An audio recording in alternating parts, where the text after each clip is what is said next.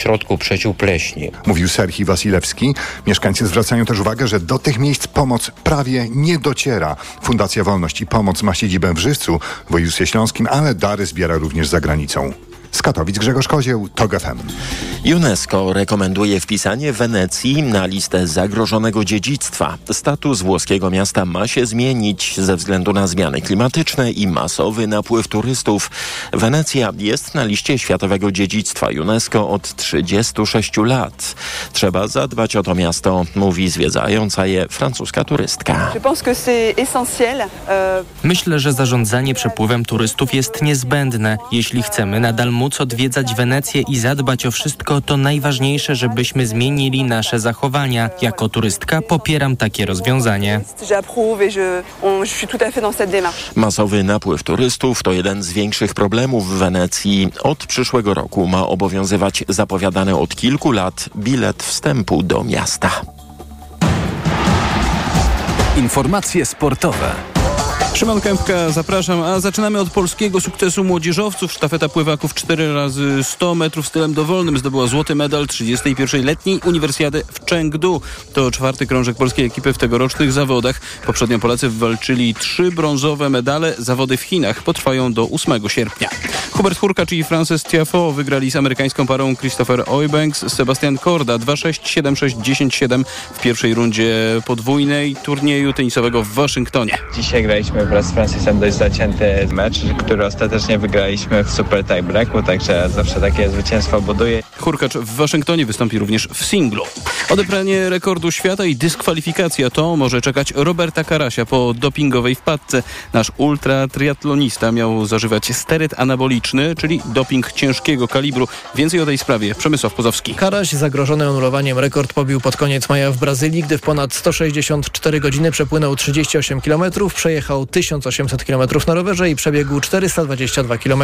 Badanie antydopingowe, które było konieczne, by rekord został oficjalnie uznany, wykazało jednak, że nasz popularny ultratriatlonista nie był w trakcie tego wyczynu czysty. Wcześniej, do czego pośrednio przyznał się w rozmowie z Tomaszem Smokowskim w kanale sportowym, miał zażywać steryt anaboliczny. O jaki środek chodzi, mówi Radio Tok FM szef Polskiej Agencji Antydopingowej Michał Rynkowski. Robert Karaś uzyskał pozytywny wynik na obecność substancji zabronionej o nazwie dostanolon. Jest to substancja należąca do grupy S1 z substancji anabolicznych. Karasiowi grożą 4 lata dyskwalifikacji odebranie rekordu i trudno się spodziewać, by stało się inaczej. Przemysław Pozowski, TOK FM. Pogoda. Noc w kraju zapowiada się deszczowa, zwłaszcza na Śląsku, w Małopolsce, na południu Mazowsza i na Lubelszczyźnie. Z kolei nad morzem niewykluczone są burze. Na zachodzie więcej przejaśnień. Na termometrach tej nocy na ogół od 13 do 16 stopni.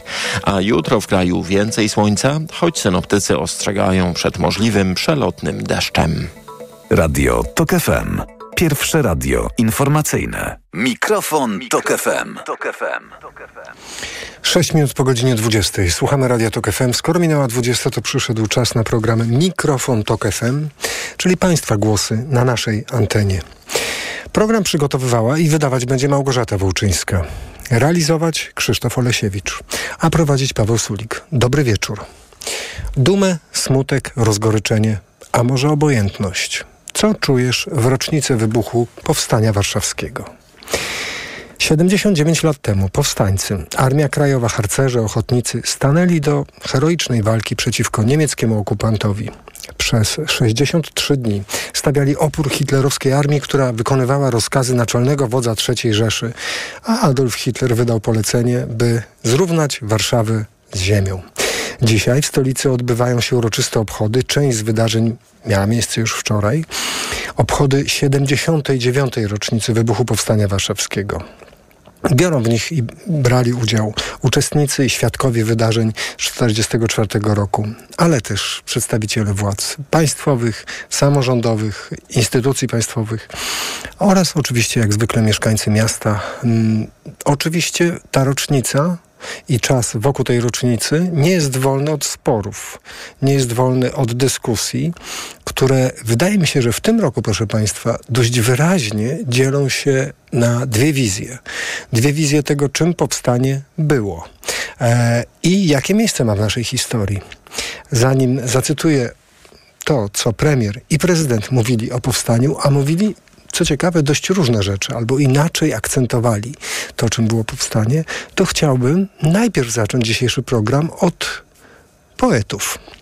Najpierw od wiersza Józefa Szczepańskiego, Dziś idę walczyć, mamo, może nie wrócę więcej, może mi przyjdzie polec tak samo jak tyle, tyle tysięcy. Poległo polskich żołnierzy. Za wolność naszą i sprawę. Ja w Polskę, mamo, tak strasznie wierzę i w świętość naszej sprawy. To wiersz e, Józefa Szczepańskiego. Ale były też inne wiersze, może nie tak popularne, prezentujące inne punkty widzenia, jak chociażby ten Anny Świerszczyńskiej, sanitariuszki w Powstaniu Warszawskim. Ci, co wydali pierwszy rozkaz do walki, niech policzą teraz nasze trupy. Niech pójdą przez ulice, których nie ma. Przez miasto, którego nie ma. Niech liczą przez tygodnie, przez miesiące. Niech liczą aż do śmierci nasze trupy. To Anna Świerszczyńska. I rzeczywiście dziś, słuchając liderów politycznych, premiera, prezydenta, przywódców państwa, można odnieść wrażenie, że właśnie w przeciwieństwie do poprzednich rocznic, albo przynajmniej o wiele wyraźniej niż lata temu, pokazuje się dwie wizje powstania. Z jednej był to heroiczny, fundujący nawet obecną rzeczywistość polską akt sprzeciwu, albo Hekatomba nieuzbrojonej ludności cywilnej, prawdziwa apokalipsa dla miasta, a 180 mm, tysięcy y, osób bez broni, które zostały po prostu zabitych. Ta pierwsza wizja pobrzmiewa w przemówieniu, które dziś usłyszeliśmy e, premiera Morawieckiego, który podczas obchodów rocznicy mówił tak. Nie znamy do końca konsekwencji powstania warszawskiego. Wiemy tylko, że ono się stale odradza. Odradza się w nas, rzuca nowe światło na dawne wydarzenia i w przyszłość. Celem powstania była sprawiedliwość, czy niepodległa, wolna, suwerenna Rzeczpospolita. A może celem powstańców była Wielka Polska, której nigdy nikt nie będzie mógł już podbić, zniszczyć? Pytał e, premier Morawiecki.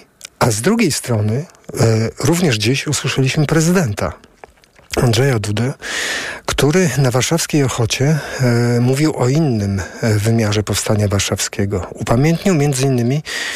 ofiary niemieckiego obozu przejściowego na Zieleniaku. Powstańcza ofensywa trwała na Ochocie kilka godzin. W czasie tłumienia powstania wrogie wojska dopuściły się tu masowych mordów i gwałtów na ludności. I z perspektywy tej prezydenckiej przemowy bohaterami powstania nie byli tylko powstańcy, którzy walczyli z Niemcami z bronią w ręku. Bohaterami powstania, jak mówił prezydent, była cała ludność Warszawy, która była tutaj razem z powstańcami, która ich wspierała i cierpiała. Prezydent mówił: niewinna, bezbronna, mordowana. Nigdy nie wolno zapomnieć o tym ponad 180 tysięcy mieszkańców naszej stolicy zamordowano. To była straszliwa cena, którą warszawiacy zapłacili za swoje pragnienie wolności.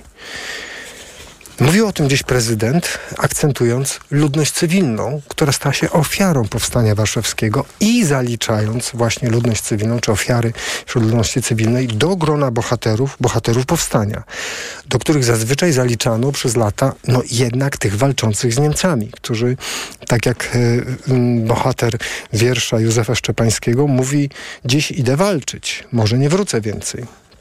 Mm, ale Ciekawa rzecz się wydarza jeszcze na innym poziomie, proszę Państwa. I to mi się wydaje jest ważne dla dzisiejszego kontekstu rozmów i Państwa głosów na naszej antenie. Otóż na portalu Okopres bardzo ciekawie o Powstaniu Warszawskim rozmawiali profesor Adam Leszczyński i profesor Marcin Napiórkowski. Otóż e, profesor mm, Napiórkowski mówił tak. Powstanie warszawskie samo w sobie jest dziś wartością to inne wartości często wyprowadzamy z niego, a nie odwrotnie. Mamy pokusę oczywiście, żeby myśleć o wartościach jako abstrakcyjnych kategoriach, ideach, wolność, równość czy sprawiedliwość. Tymczasem, przynajmniej z punktu widzenia dziedziny nauki, którą mam przyjemność reprezentować, czyli semiotyki, wygląda to zupełnie inaczej. Wartości są zawsze obsługiwane przez pewne kody kulturowe, wplecione w opowieści, nasycone emocjami, dostępne dla zmysłów, mają swoje kształty i kolory. Na co się obrusza profesor Leszczyński i mówi, zaraz, zaraz, to nie tak. Wszystko to się przecież zaczęło od grupy prawicowych albo konserwatywnych intelektualistów, którzy mniej więcej 25 lat temu zaczęli pisać o potrzebie polskiej polityki pamięci. O tym, że Polacy powinni być dumni ze swojej historii i powstanie zostało wybrane przez nich. Właśnie wybrane jako symbol, który będzie wygodny dla budowania takiej opowieści. Na co profesor Napiórkowski odpowiada? No dobrze, a gdyby opowiedzieć tę historię zupełnie inaczej? Powstanie warszawskie istniało jako koncepcja, jako wyobrażenie czy kod kulturowy, e, o którym wcześniej mówiłem, na długo przed 1944 rokiem. Kiedy przeglądamy zarówno dokumenty źródłowe z epoki, jak i wspomnienia spisywane po powstaniu, uderza, że idea zbiorowego powstania narodu była od dawna elementem wyobrażeń, nawet w wersji hekatomby, masakry. Hasło dulce et decorum est pro patria mori – czyli z łaciny słodko i zaszczytnie jest umrzeć za ojczyznę, było elementem wychowania od dawna, twierdzi profesor Napiórkowski w tej rozmowie. Ono musiało się tylko zmaterializować, ale jako idea, jako wyobrażenie istniało już w 1944 roku gotowe. Czekało tylko na swój czas. To przykład tego, jak dostępne dla danej grupy kody kulturowe mogą wpływać na podejmowane decyzje. To rozmowa Adama Leszczyńskiego z e, Marcinem Napiórkowskim. Bardzo ciekawa, polecam Państwu na portalu Okopres. Pokazuje dwa różne punkty widzenia na to, co się wydarzyło w 1944 roku. E, według profesora Leszczyńskiego e, powstanie, miejskie powstanie, największe w Europie, które później, dziesiątki lat później zostało w pewnym sensie wykorzystane trochę politycznie do budowania polityki historycznej, a według profesora Napiórkowskiego nic się nie zaczęło w 1944 roku. Po prostu kolejne pokolenia były wychowywane, tak jak profesor pisze, w pewnych kodach kulturowych, które były wplecione w opowieści, nasycone emocjami, e, miały swoje konkretne kształty i kolory, że zacytuję profesora, a to oznacza, że młodzi ludzie, którzy szli do walki w Powstaniu Warszawskim, oni byli również wychowywani w kulcie i w pewnym micie zrywu powstańczego. Zrywu, czyli pewnego pewnego ruchu dynamicznego, który niekoniecznie ma przewidziane konsekwencje, bo jest po prostu zrywem. I oczywiście, jak się łatwo domyśleć i Państwo świetnie o tym wiedzą, oto w XIX wieku powstania narodowe w Polsce to był właśnie ten wzór, ten wzorzec, ten mit, na którym kolejne pokolenia się wychowywały. Państwa skojarzenia, myśli, asocjacje, a może po prostu uczucia związane z kolejną rocznicą wybuchu Powstania Warszawskiego to temat dzisiejszego programu Mikrofon Tok FM. Nasz numer to 22 44 044. Proszę do nas dzwonić i odpowiadać na dzisiejsze pytanie. Dumę, smutek, rozgoryczenie, a może obojętność. Co czujesz w rocznicę wybuchu Powstania Warszawskiego? Można również do nas pisać na adres mikrofonmałpa.fm mikrofon małpatok.fm lub też na portalu Facebook, na profilu naszej stacji radiowej e, umieszczać Państwa e, komentarze na nasze pytanie, pytanie dzisiejszego programu Mikrofon Tok FM. Co czujesz?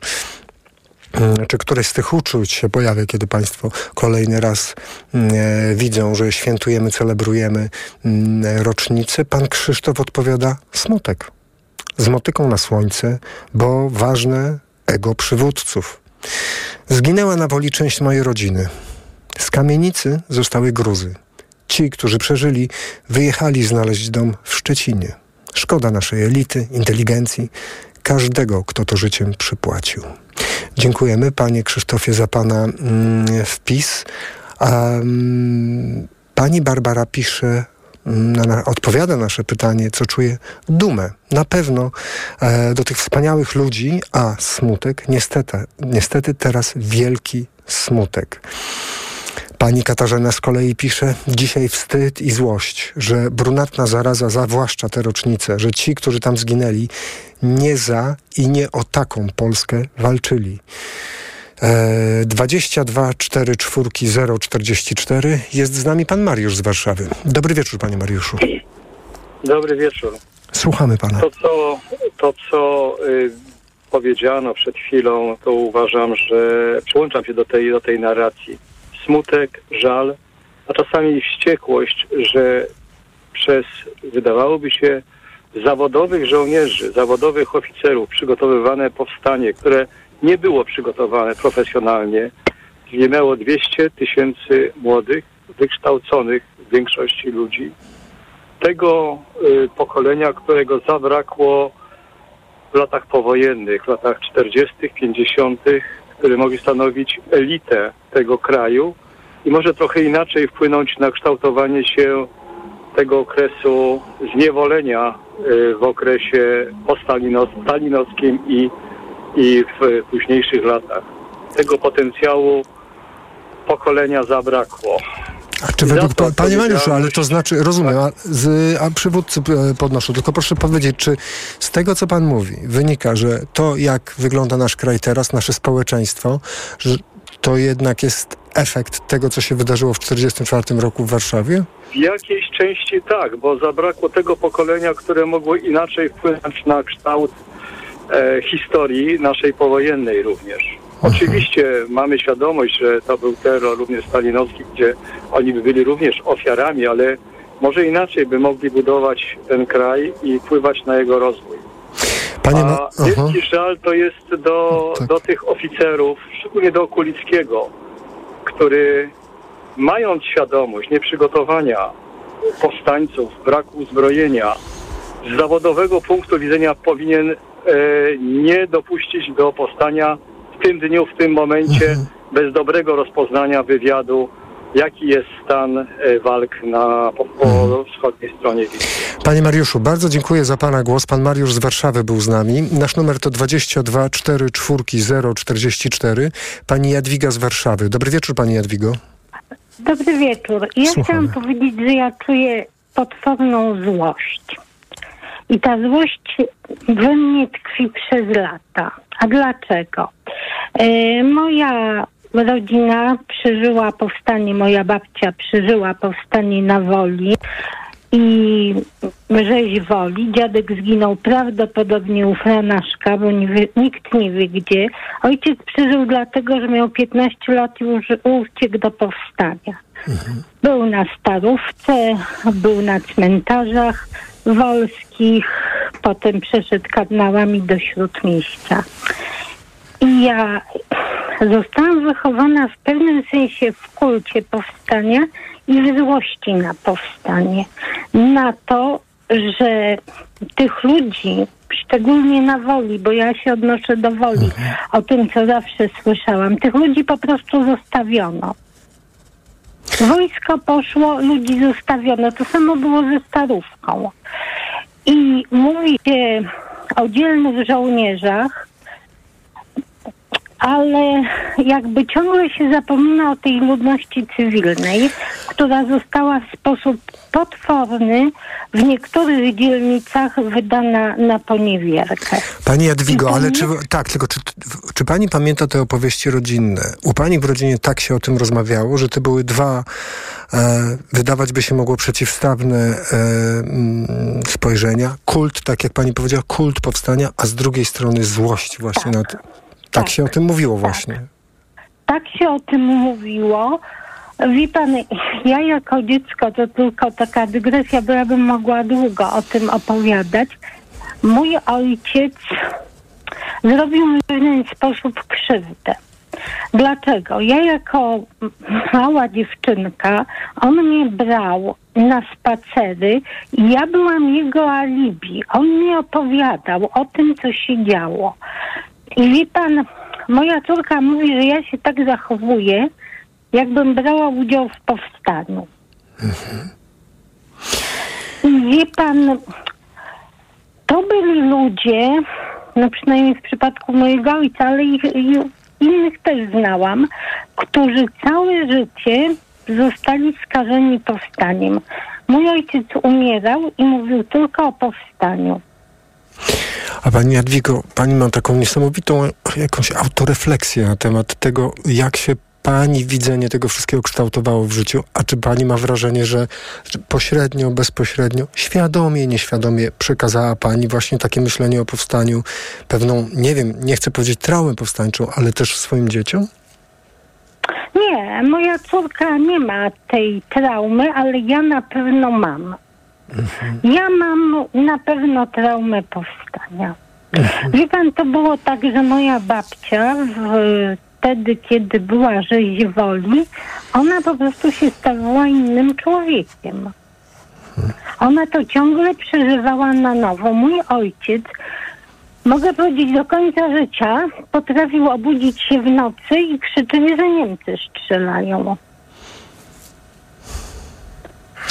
Także to nie jest tak, że powstanie. Zresztą to może ktoś mnie od, sądzić od czci i wiary, ale dla młodych ludzi, takich dzieci, którzy byli, no bo w tym powstaniu on się tam plątał w tym swoim tak naprawdę oddziale, no bo on nie miał gdzie iść. Wola płonęła i musiał z kimś być. Y, to chcę panu powiedzieć, że dla tych nie był on jeden, bo to nie jest tak, że mój ojciec był jakimś strasznym bohaterem. On zawsze uważał, że ci, co walczyli, to zginęli, a o reszcie to nie trzeba mówić. Natomiast mm, to wywarło na nim do końca życia niezatarte wspomnienie, a chciałam powiedzieć, że była to również dla tych młodych ludzi demoralizacja. Niestety. Pani Jadwigo, bardzo dziękuję, że Pani do nas zadzwoniła. Bardzo dziękuję za Pani głos. Pani Jadwiga z Warszawy. Przypomnę numer do nas 22 44 044. Dumę, smutek, rozgoryczenie, a może obojętność. Co czujesz w rocznicy wybuchu Powstania Warszawskiego? Jest z nami Pan Janusz Kośminka. Dobry wieczór. E, Dobry wieczór, kłaniam się. No, ja wiem, że może dzisiaj warszawiacy mają największy, mm, największe prawo dzwonić i mówić, co czują, szczególnie ci warszawiacy e, od pokoleń. Ale wie pani, kochani, my, my wszyscy Polacy mamy gdzieś tam w genach, e, w pamięci rodzinnej, pa, pamięć rozmaitych strasznych sytuacji. E, powstanie warszawskie. U mnie z kolei e, UPA, e, Majdanek, obóz koncentracyjny, e, dzieci Zamojszczyzny, bo stamtąd pochodzę. Więc wie pan, to na marginesie. Ale co, co czuję? Czuję, mam mnóstwo niedobrych uczuć w okolicach tego dnia, bo spodziewam się za każdym razem facetów drących mordy z racami na środku zatrzymujące ruch w Warszawie. Spodziewam się przemówień polityków, które zawsze są jakoś nacechowane i spodziewam się manipulacyjnego pokazywania tej narodowej katastrofy, Armagedonu tego. Wie pan, w tym roku nie obejrzałem nic, żadnego przemówienia i żadnych obchodów, bo może nie mogę wyjść z traumy po przemówieniu pana Andrzeja Dudy z tamtego roku który w ten taki swój typowy dla siebie szczekający sposób, taką, on ma dziwną metodę krzyku w tych swoich wy- wystąpieniach. On krzyczał, że było warto, było warto, było trzeba. Wie pan, ja się tak wściekłem, bo czy, czy było warto i było trzeba, to mogą powiedzieć tylko ci, co zginęli. Na pewno nie pan Andrzej Duda. Więc e, ci, co zginęli, jeżeli gdzieś istnieją w innym wymiarze, to oni mogą powiedzieć, czy było warto i było trzeba. My żyjący możemy mówić coś innego. Dzisiaj w Państwa audycji występował historyk, który, to było tam tuż po połu- wczesne popołudnie, kiedy powiedział coś, co ja doskonale wiem, bo czytałem o tym, że powstanie wybuchło przypadkiem. Że rozkaz został wydany przypadkiem, bo oficerowie dowodzący spodziewali się rosyjskich czołgów na przedmieściach Warszawy i ktoś się pomylił. Bo jakieś kobiety w tramwaju mówiły, że rosyjskie czołgi są na przedpolach Warszawy i szef e, wywiadu pobiegł do sztabu, powiedział, Ruscy wchodzą, startujemy. Padł rozkaz. Ludzie pobiegli na, na pozycję do swoich oddziałów i się okazało, że nie. I wtedy głównodowodzący siadł w kącie i nie mógł tego odwołać. Wie pan, dla mnie znamienne jest to, że zginęło 200 tysięcy ludzi. E, tych 20 tysięcy powstańców nie nazwę żołnierzami. Bo ci, co idą z gołymi rękami na karabiny maszynowe, żołnierzami nie są. To są straceńcy. Być, y, y, y, nie, nie, wiem, czy oni tego chcieli. Natomiast dla mnie znamienne jest, już kończę, że 200 tysięcy zamordowanych, spalone miasto, natomiast dowództwo powstania warszawskiego niemal w komplecie żywe zdrowe i bez ran, podreptało do niewoli. Wie pan co? Na miejscu tych ludzi, którzy mają swoje ulice w naszych miastach, ja bym sobie w łeb strzelił ostatnim nabojem. Kłaniam się nisko, do widzenia. Pan Janusz z Kośminka był z nami. Dziś czekamy na Państwa głosy, e, bo pytamy o kolejną rocznicę wybuchu Powstania Warszawskiego i uczucia, jakie towarzyszą tejże rocznicy. Czy Państwo czują dumę, smutek, rozgoryczenie, a może obojętność? A, a może, tak jak przed chwilą nasz słuchacz, wręcz wściekłość, bo jak rozumiem głos naszego słuchacza, to mm, podpisałby się pod cytowanym przeze mnie na początku wierszem Anny Świerszczyńskiej, e, który jest skierowany bezpośrednio do tych, co wydali pierwszy rozkaz do walki. I poetka pisze, niech policzą teraz nasze trupy. Ale ktoś z Państwa może gdzieś jeszcze w sercu mieć głęboko wiersz, wiersz Józefa Szczepańskiego, e, e, gdzie bohater e, idzie walczyć, wie, że nie wróci, bo jak deklaruje, wierzy w Polskę, tak strasznie wierzy i w świętość naszej sprawy. 22 4 czwórki 0 44 to numer telefonu do Radia Tok FM. Nasz adres to mikrofon małpatok.fm, a na portalu Facebook, na profilu naszej stacji radiowej e, Państwa komentarze. Za chwilę kolejne Państwa głosy. Radio Tok FM. Pierwsze radio informacyjne. Reklama. Poznaj mega sposoby na oszczędności w Rosmanie. Teraz m.in. peeling pod prysznic Isana za jedyne 5,49. Najniższa cena w okresie 30 dni przed wprowadzeniem obniżki 8,79. Mega Ci się opłaca. W Rosmanie. Reklama. Mikrofon, Tok FM. Tok FM. Trwa program Mikrofon Tok FM. Dumę, smutek, rozgoryczenie, a może obojętność. Co czujesz w rocznicy wybuchu Powstania Warszawskiego? Pod numer 22 44 044 zadzwonił pan Adam z Łodzi. Dobry wieczór, panie Adamie. Dobry wieczór, panie Pawle, dobry wieczór państwu. Słuchamy. No ja chcę powiedzieć tak, że ja się y, częściowo y, zgadzam tutaj przed, przed y, chwilą z panem y, Januszem z Kośminka, mhm. ale chcę powiedzieć tak, że nie jesteśmy w stanie ocenić y, tego, co czuli wszyscy ci, którzy do tego powstania ruszyli no nie jesteśmy w stanie yy, tych ich emocji, ich napięć, yy, które w danym momencie im towarzyszyły, ocenić. No bo nie mamy takich mhm. możliwości. Natomiast yy, też uważam, że mm, dowództwo tego powstania popełniło kardynalne błędy, ponieważ to powstanie nie było przygotowane na taką skalę, na jaką się rozegrało. I e, to jest taka moja subiektywna ocena, zupełnie wewnętrzna, ale tak jak mówię, nie jestem w stanie ocenić tego, co czuli, yy, nie wiem, chłopcy kilkunastoletni, czy też już yy, mężczyźni na progu dojrzałości, powiedzmy, i osoby starsze. Yy, to był niesamowity ruch to trzeba przyznać temu, że to był niesamowity ruch społeczny, mm, gdzieś, który mm, zawiązał y, ogromne rzesze ludzi, mm, którzy próbowali za wszelką cenę się bronić. Bronić swojego życia, bronić swojego miejsca, w którym żyli.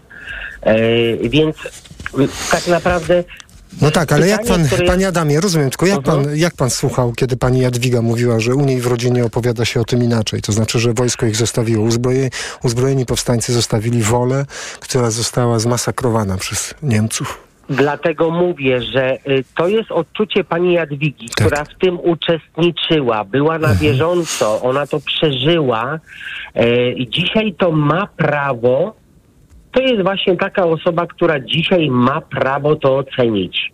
Mhm. Bo ona w tym brała udział. Panie Adam, My... ja jeszcze jedno, ja wiem, tylko jeszcze jedna mhm. rzecz. A może to jest tak, jak jeden z cytowanych przeze mnie profesorów twierdzi, że tak, ma pan rację, to powstanie nie było przygotowane, nie powinno było wybuchnąć, ale które było? Styczniowe było przygotowane? Listopadowe znaczy, było przygotowane? Panie redaktorze, i szanowni państwo, ja chcę powiedzieć, że w Polsce niestety mamy taki zwyczaj od zarania dziejów, że cokolwiek się gdzieś tam coś zadziało, to myśmy powstawali. Z czymkolwiek byśmy mieli pod ręką, kłonice, mm, nie wiem, cepy, cokolwiek było. To już jest taka chyba na, nasza narodowa cecha. Eee, więc no, trudno oceniać mi tak z perspektywy, nie wiem, dziesiątek, setek lat, co ci ludzie wtedy odczuwali wewnątrz Mhm. swojego sumienia, swoich myśli, że rwali się, jak to się mówi, z motyką na słońce, y, żeby walczyć. A to sądzi pan, E, panie Adamie, że teraz się wiele zmieniło? Czy może właśnie to nas ukształt... Jesteśmy dalej kształtowani przez te impulsy, o których pan mówi i dzisiaj jesteśmy takim samym społeczeństwem. W chwili jakiegoś Ja myślę- impulsu zbiorowego rzucamy się, ale żeby to przemyśleć, zastanowić się nad konsekwencjami, to może niekoniecznie. Ja myślę, że dzisiaj niestety, dzisiaj na 2023 rok, tragedią naszą narodową jest to, że jest grupa osób, tak zwanych polityków, bo polityk prawdziwy to jest osoba, która powinna być nobilitowana z wykształceniem odpowiednim, z odpowiednią kulturą osobistą. Natomiast szczególnie w naszym kraju e, osoba polityka jest zdewaluowana.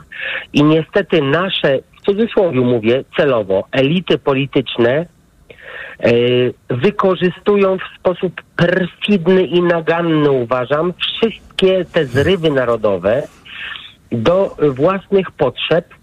I tak się dzieje niestety na przekroju całego naszego, że tak powiem, y, całej naszej rzeczywistości od II wojny światowej. Najpierw komuna to, y, i socjalizm y, to sobie uzurpował prawo do tego, żeby ten, na, na tej bazie tragedii ludzkich budować swoją rzeczywistość, a niestety po 89 roku dzieje się to samo i myślę, że nawet w jeszcze gorszym stopniu. Bardzo smutna I jest ta, szczerze, że- analiza i smutna, konstatacja. Panie redaktorze, smutna, ale powiem szczerze, że jedyne co mi przychodzi tak naprawdę y, z głębi powiedzmy mojej osoby, to jest żal straconych żyć, które gdyby dzisiaj mogły się wypowiedzieć, bo walczyły o jakąś tam ideę, o wolność, o, o, o, o po prostu o wielką sprawę i dzisiaj to wszystko zostało pogrzebane.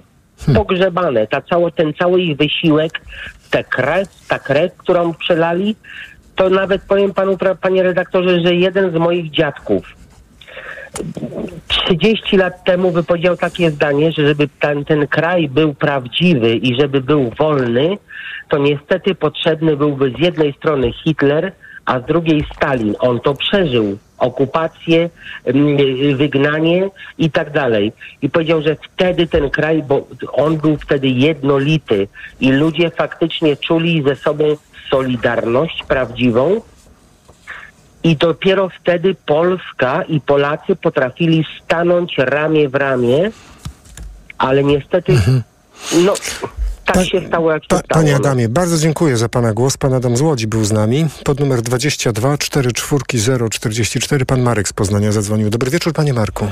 Dobry wieczór. Słuchamy pana. E, wie pan, ja zupełnie podzielam e, opinię trzech ostatnich osób, czyli pani Jadwigi, pana Janusza i teraz pana Adama. Wie pan, bo mm, za bardzo mm, y, powstanie się nadmuchuje, jeżeli chodzi o jego ważność.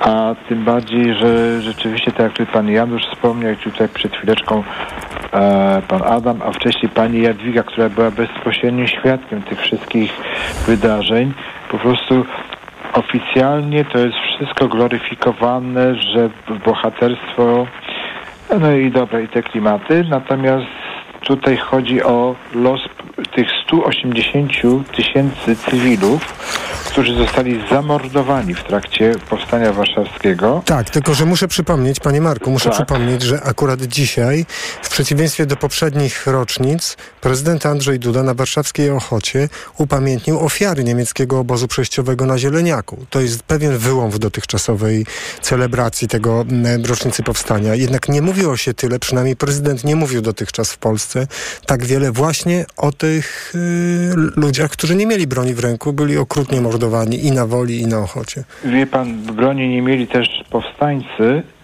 bo jeżeli mieli to jakieś tam szczątkowe uzbrojenie, tam jeden pistolet na kilka czy kilkanaście osób plus parę, parę granatów, Tak, ale zwracam uwagę na to, że to, o czym pan mówi, wydaje mi się, że jest to jakaś zmiana. Proszę pana, no ale no, no nie pocieszajmy. Pa, czy pan sobie wyobraża, jaka będzie pompa za, za rok, 80-lecie powstania warszawskiego?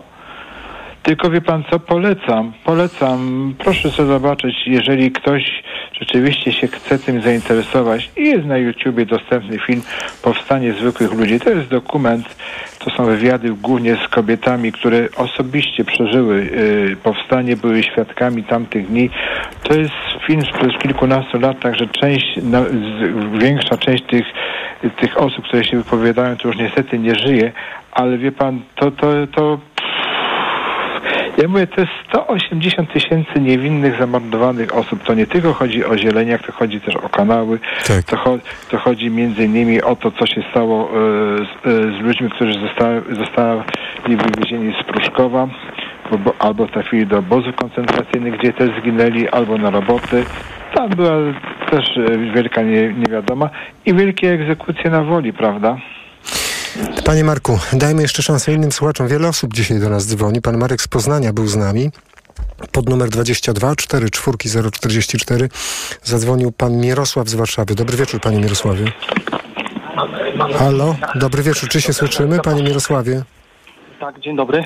Słuchamy, jest pan na antenie, proszę E, mówić. Dzień dobry, kłaniam się Ziemski z tej strony. Właśnie słuchałem wypowiedzi moich e, przedmówców. Tutaj wszystkich imion już nie pamiętam, ale chciałbym też e, tutaj zwrócić uwagę na jedną kwestię, która się często porusza właśnie w, odnośnie powstania warszawskiego, która nie została przez społeczeństwo chyba i przez naszych właśnie polityków tutaj władze e, rozwiązana. Dotyczy ona sprawy związanej zarówno z samym wybuchem powstania, jak również i przede wszystkim decyzyjności, ponieważ temat powstania warszawskiego to jest temat, który jest poruszany na maturze i często rozliczany e, wśród e, uczniów szkoły średniej i, w podstawówkach, jak również i w późniejszym okresie. I dwie kwestie, które należy rozwiązać, która staje się przedmiotem sporu, właśnie polaryzacji ludzi w polskim narodzie, to dotyczy właśnie tego, panie redaktorze, że nie rozgraniczamy dwóch ważnych rzeczy. A pierwsza to należy zwrócić uwagę, że powstanie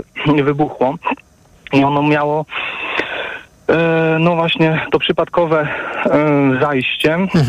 A druga kwestia dotyczy tego, że podjęli tą decyzję osoby nie do końca kompetentne. I to trzeba powiedzieć wprost, taki przekaz po prostu Panie dać ale to jest oś sam dyskusji od wielu, wielu lat w Polsce, że ci ludzie nie ponieśli odpowiedzialności za decyzje, które pozbawiły życia 200 tysięcy mieszkańców, obywateli i obywatelek Warszawy. Ja się dzisiaj pana pytam, co pan czuje? Ja dzisiaj czuję, e, w dniu 1 sierpnia zawsze czuję ten e, żal, ból i cierpienie wobec ludzi, którzy niewinnie giną na, mm, podczas wojny, powstania, czy, czy też innych, e, jak to się mówi, e, czynów zbrojnych związanych z, z obroną e, wartości narodowych, ojczyzny, narodu, którzy giną i przelewają krew.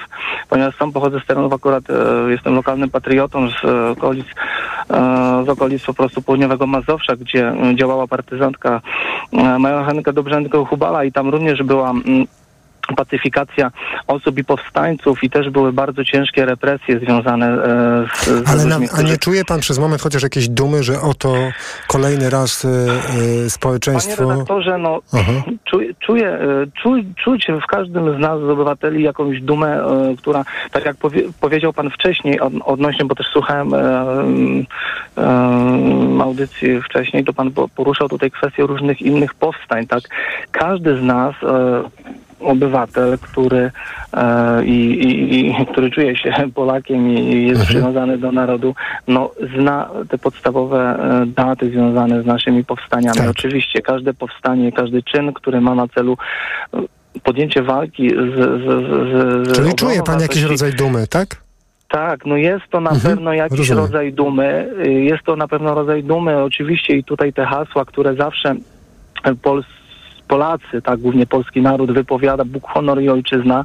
W moim przekonaniu nie do końca jest dla wszystkich zrozumiały ten przekaz, bo, nie, bo Ale panie się kiedy dzieje- pan ma co... Tak, tylko ja chciałem zapytać, czy, te, czyli w panu jakby koegzystują dwa rodzaje uczucia. Z jednej strony duma, ale z drugiej strony pan No, chciałby zwrócić redaktorze, uwagę no na... Sposób, tak? No nie sposób, no nie Aha. sposób właśnie tych, tych dwóch kwestii, e, tych dwóch, jak to się mówi, przeciwstawnych em, uczuć, no nie zrównoważyć gdzieś, prawda? A to No inaczej, panie jako- Mirku, to zapytam inaczej. A jak to jest? A kiedy, a gdyby zapytać pana w innym czasie w, tym roku o inne powstanie, o y, y, pierwsze w Europie okupowanej powstanie w mieście, skazane na, na, na klęskę, e, też w Warszawie. I mm, pierwsze, ono było wcześniej.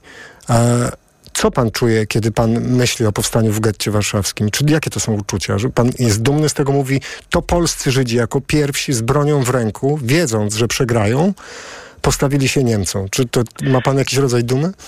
No, dla mnie, jako dla człowieka, który jest, e, bo panie redaktorze, trzeba się postawić w dwóch, e, dwóch opcjach. Pierwsza opcja to jest osoba, która podejmuje czyn zbrojny. Ja pana pytam Jest o pana uczucia, panie. Mirosławie. Moje, moje uczucie jest takie, tak, jak najbardziej. Aha. Jestem dumny z tego, że po prostu mieliśmy wśród swoich obywateli zarówno w Warszawie, jak również, jak również w innych e, miejscach w e, po, w terenie, na terenie kraju ludzi, którzy czynnie stawali do, mm, e, do walki w obronie naszej ojczyzny. Oczywiście nas wtedy nie było, ja byłem jeszcze w dalekich planach, jako, ale chylę czoło właśnie e, wobec moich dziadków, którzy żyli już wtedy i też e, po- podejmowali walkę. Ale wyobraża pan sobie, że w przypadku powstania to warszawskiego... Rozumiem, ale czy w przypadku powstania warszawskiego wyobraża pan sobie, że inaczej je celebrujemy? To znaczy mówimy... Nie, Nie? nie. Wydaje mi się, że, te, że, ta, że, ta, że ten przekaz, Mhm. który idzie, jest po prostu e, tutaj ukierunkowany bardziej, żeby, e, żeby A czy powinniśmy inaczej mówić? Panie Mirosławie, czy to jest tak, że pan nie uważa, że powinniśmy zwrócić uwagę, nigdy więcej nie możemy doprowadzić do y, nieprzemyślanymi decyzjami kierownictwa? To już by było do... na podsumowanie naszej rozmowy. Tak, tak jak powiedziałem, panie dlatego, że pan zadaje dużo pytań, ja mogę powiedzieć. to znaczy tak, z jednej strony oczywiście na e, chwałę zas, zasługują ludzie, którzy walczą. No, mamy teraz przykład Ukrai- wojny na Ukrainie, tak? Ludzie, którzy walczą i giną, zasługują na uznanie, oni giną już nigdy, tego życia im nie wróci. Kwestie w miarę upływu czasu dotyczące rozliczenia tej wojny będą Aha. dotyczyły osób, które podjęły tą, tą decyzję, czyli no pan tak. Zełański będzie oceniany przez swój naród ukraiński, czy te decyzje były zasadne. Ci ludzie już zginęli, ich już nie ma, im należy się cześć chwała Aha. i za to, że Panie bronią Mirosławie, swojego bardzo- kraju, swojego tak. narodu. Bardzo ciekawy wątek, ta analogia z, z Ukrainą, to jest bardzo ciekawy mi, wątek. To, mi, to, to tutaj dlatego, bo chciałbym po prostu dokończyć swoje zdanie. tak, proszę mówić. Em, tu, tutaj właśnie należy dwutorowo spojrzeć na powstanie, każde, y, a w kontekście powstania warszawskiego tym bardziej, kiedy tutaj są zawsze jakieś pytania się rodzą, tak? No tak, ale panie Mirosławie, ale zakłada pan, że ta decyzja nie zapada. Że wraca człowiek do kwatery głównej mówi, słuchajcie, usłyszałem w tramwaju, że Rosja, rosyjskie czołgi są na Pradze, ale usłyszałem to od dwóch kobiet. Po, I oni mówią, dobra, nie, nie, Ale tutaj nie robimy powstania. Panów, bo ja akurat jechałem, Aha. byłem w drodze i też nie do końca e, tam e, słyszałem, ale dosyć ciekawy wątek poruszył przedmówca, że e, Kwestia e, związana z decyzyjnością, tak. E, tak, przygotowanie do wojska, to ludzie chcą walczyć. Niech pan, Oj, ci przywódcy no, bardzo chcą- chcieli, tak. E, Ludzie chcą walczyć, tak, Mhm. ale muszą mieć mądrego przywódcę, mądry sztab. My mieliśmy już, panie redaktorze, 44 rok. E, także tutaj e, wywiad nasz i nasze przygotowanie wojskowe, naszych przywódców em, i naszej naszych, e, no, naszego prawa. Czyli wyobraża pan sobie taką sytuację, że mamy profesjonalnych przywódców i oni mówią, nie, zginie 200 tysięcy ludzi, a może więcej. Absolutnie Nie, ta odwołujemy powstanie. powinna być bardziej przemyślana, zdecydowanie tym Mhm. bardziej. Ale wyobraża pan sobie taki scenariusz? Nie możemy szafować życiem 180 tysięcy niewinnych taki, ludzi, którzy nie mają broni i zostaną zabici być, przez Niemców. Mogły być i, i, i odwołać, e, odwołać powstanie. Oczywiście mogły takie zapaść decyzje i nie musiało... I nie musiało- celebrowalibyśmy teraz tego powstania, tylko byśmy tylko mówili o mądrości tych przywódców, którzy nie poświęcili 200 tysięcy ludzi na, Ale- pod no, koniec z wojny, drugiej tak? strony błędne decyzje e, generalicji, Mhm. tak, czyli przywódców powstania, no generał czy też prezydent nie jest rozliczany z tego, że zabija ludzi na wojnie. No tak. podejmowanych Panie decyzji- Mirku, bardzo wiele decyzji. osób dzisiaj dzwoni, e, także bardzo dziękuję, że pan e, podrzucił te wszystkie ciekawe arcywątki, szczególnie ta analogia z tym, co się dzieje z naszą wschodnią granicą. Bardzo interesująca. Pan Mirosław z Warszawy, który, przypomnę, mówił o, tak, że rozliczenia, tak, tylko, że nie, e, nie w trakcie wojny i, i przez tych, którzy mają do tego jakiś rodzaj, jak rozumiem, moralnego prawa. E, 22 4 czwórki 044 to numer telefonu do Radia Tok FM. Pani Teresa z Warszawy jest z nami. Dobry wieczór, pani Tereso. Dobry wieczór. Słuchamy. Ja chciałabym powiedzieć, co ja czuję. Ja powiem to, co moja mama czuła. Moja mama, y, jak wybuchło powstanie, urodziła dziecko. Na 10 dni przed wybuchem powstania leżała w połogu. Miała dwóch jeszcze starszych synków, półtora roku i sześć lat. i opowiadała, że głód czasie powstania był taki, że jak ten średni chłopczyk, półtora roczny, znalazł skórkę chleba pod e, to moja mama to biegał szczęśliwie, zadowolony, co on, co on znalazł, on znalazł, znalazł, znalazł skójkę, znalazł skójkę. Moja mama tę skórkę oczyściła z kurzu i pajęczyny. Tę skórkę nam, e, namoczyła nad parą, żeby zmiękła i podzieliła na trzy części, bo miała troje dzieci. Ojciec był w tym czasie w niewoli. A co dalej było po wojnie? Ja, ja to tylko powiem, co Y, jak było, co mama opowiada, co przeżyła w czasie powstania. Przeżyli wszyscy, bo tam w tej kamienicy jeszcze rodzice mojej mamy mieszkali, siostra i, i z mężem i z dziećmi i wszyscy się zdołali uratować, ponieważ pod koniec y, powstania uciekli z Warszawy do, na działkę, którą siostra mamy miała z mężem kupili taką działkę przed wojną. Tam była taka buda z desek, taka szopka i tam 13 osób z tej rodziny schowało się na, na, i tam przeżyli całą zimę. No ale to jest inna sprawa. A teraz jeszcze chciałam powiedzieć, co ja pamiętam z dzieciństwa. Ja się urodziłam 3 lata po wojnie. I w domu ciągle słyszałam, Bolek zginął w powstaniu. Bolek to brat mojego ojca. Mhm. Osierocił 12-letnie dziecko, dlatego się o tym Bolku ciągle mówiło. Ale zginęło dwóch braci mojego ojca. Trzeci przeżył powstanie, został wyprowadzony z powstańcami do Niemiec, jak Niemcy uciekali z Warszawy i gonili tych powstańców to e, e, został e, w Niemczech doprowadzony do Niemiec, a później był w Anglii. Tam na takim odżywieniu, wzmocnieniu jeszcze zdążył troszeczkę służyć razie. No, jako młody chłopak jakieś tam funkcje pełnił. To druga sprawa, że on do, do Polski już nie wrócił, jak wiedział, co się tutaj stało, kto przyjął władzę. Nic straciliśmy tego człowieka, z, do Australii wyjechał i straciliśmy tego człowieka z rodziny. A teraz to ja pamiętam. Ja miałam trzy latka, jak mój ojciec brał mnie za rękę i moją starszą siostrę i prowadził po Warszawie. Ja pamiętam te straszne zniszczenia, te straszne takie wysokie do drugiego piętra sięgające sterty cegieł i te ściany frontowe z tymi pustymi oknami. Ja to wszystko pamiętam. Ja pamiętam, jak rozkopywane były gruzy i takie piwnice przywalone, partery były przywalone tym gruzem. Jak tam robili porządki pod budowę nowych bloków, to ja widziałam, jak wykopywali trupy, kości leżące na łóżkach z tych ja to wszystko mam w oczach, więc co ja teraz czuję? Ja nigdy nie świętuję żadnego, żadnej rocznicy. Ja w ogóle nigdzie nie wychodzę w tym czasie. Ja nie biorę udziału w żadnych takich pra pracach, y, y, y, takich imprezach. Jak ja kiedyś w telewizji widziałam, jak dzieci na, na, na estradzie w dniu 1 sierpnia skakały, ta, śmiały się, cieszyły się warszawskie dzieci idziemy w bój. I to była, to była bardzo wesoła zabawa dla tych dzieci. A rodzice pod tą sceną stali, klaskali, śmiali się i klaskali i podziwiali, jak te dzieci się bawią świetnie.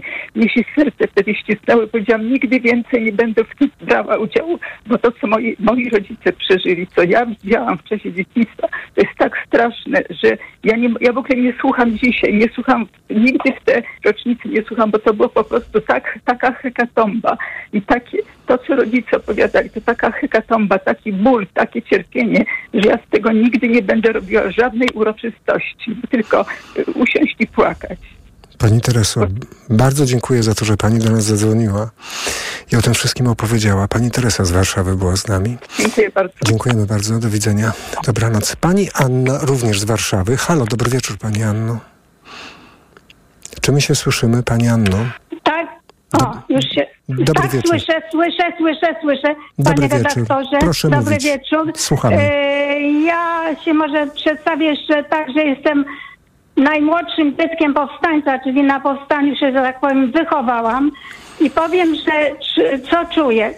Czuję z kolejnymi rocznicami, czuję smutek, ale smutek dlaczego? Dlatego, że pamięć o powstaniu się zaciera, ta prawda o powstaniu się zaciera.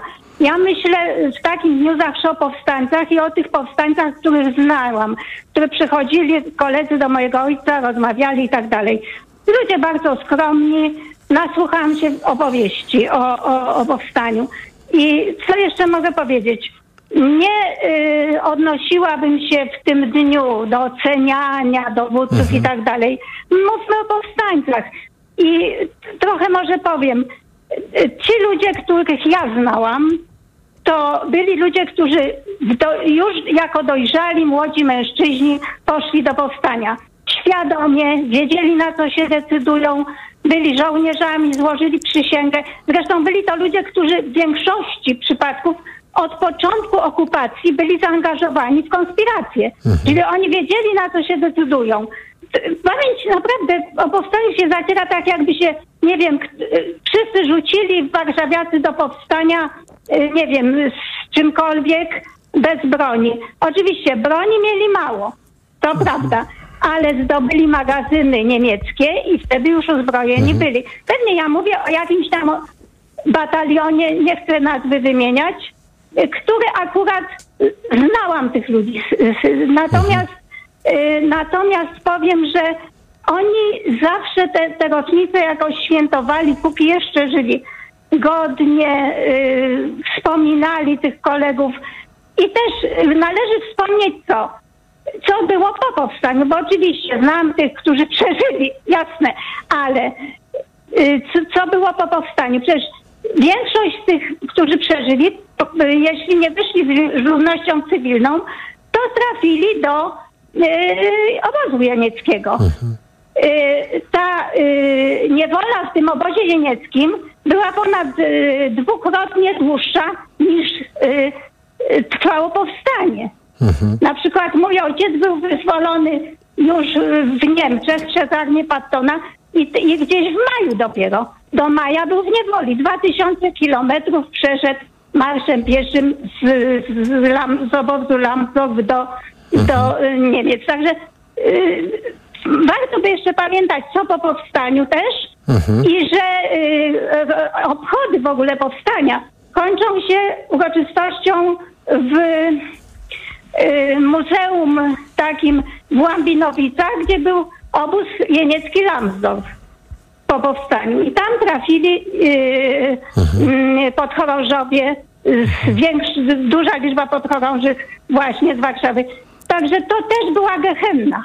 Pani Anno, a przy okazji, Y, korzystając z tego, że pani do nas zadzwoniła, czy Tak. kiedy pani pamięta, e, kiedy pani pamięta rozmowy tych, którzy przeżyli powstanie, powstańców, już po wojnie, czy Tak. pamięta pani, czy poruszali podczas tych rozmów temat rzezi ludności cywilnej na Woli albo na Ochocie? Jakoś do tego się odnosili? Na, y, ja y, o rzezi na woli akurat nie wiem, może byłam za mała, może przy mnie nie mówili, później mówili o czym innym, ale ja o rzezi ci woli wiem tyle, bo mój ojciec pisał pamiętnik tuż po, y, zaczął pisać właściwie, spisywać y, taki pamiętnik, ale już po powrocie z niewoli. Y, Kiedy jeszcze pamiętał dokładnie wszystko. I y, co? Tam było, że ponieważ walczył na woli, później walczył na Śródmieście Stare Miasto. W związku z tym o, y, powstańcy po, po, wiedzieli o tej rzezi woli, byli załamani i oni, że im się podnieść było z tego potem i, i dalej walczyć, to było im na pewno bardzo trudno. To wiem, bo ojciec zapisał to w tych, tych swoich y, notatkach. Natomiast y, co jeszcze powiem, jeszcze taki fakt, może to nie wiem, nie, czy jest to mówione, czy, czy rzadko, czy wcale, że był taki, kiedy oni się z woli wycofywali, to wiedzieli, że będzie właściwie, że powstanie będzie zakończone i że oni pójdą do Kardinosu kanałami. Ale niestety potem decyzja, wtedy niestety, to ja już nawet nie oceniam, nie chcę dowódców oceniać.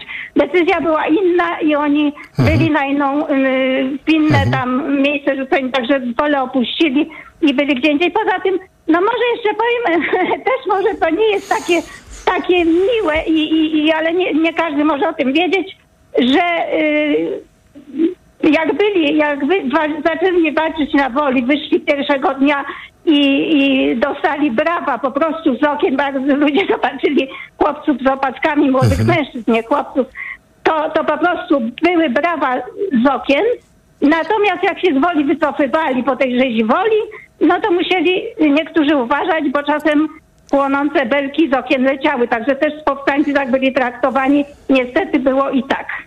Pani Anno, uważać. bardzo dziękuję no więc za to, to że jest pani... bardzo, No. bardzo jakby obraz Ambiwalentny, no, taki, taki, tak. No jasne. Pani Anno, ale bardzo chyba, dob- że, pan, Mhm. że pan chce jakieś pytanie, bo ja bym mogła długo mówić, jeśli panu Cza- coś przychodzi. Pani ja Anno, zbliżają to- się, zbliżają się informacje. Bardzo chciałem podziękować za to, że pani do nas zadzwoniła i opowiedziała o tym wszystkim. To bardzo ważny obraz, niejednoznaczny. Szczególnie ta scena, czy te dwie sceny, o której pani Anna mówiła e, z pierwszego dnia powstania, kiedy e, e, ludzie wiwatują, widząc powstańców i scena, kiedy powstańcy opuszczają wolę no i ludzie już nie wiwatują, a wręcz przeciwnie. To obraz symboliczny. Bardzo dziękujemy za ten głos. Pani Anna z Warszawy była z nami. E, Z kolei pan Bolesław pisze na portalu Facebook, na profilu Radia Tok FM. Znałem kilku powstańców, znałem ich opinie.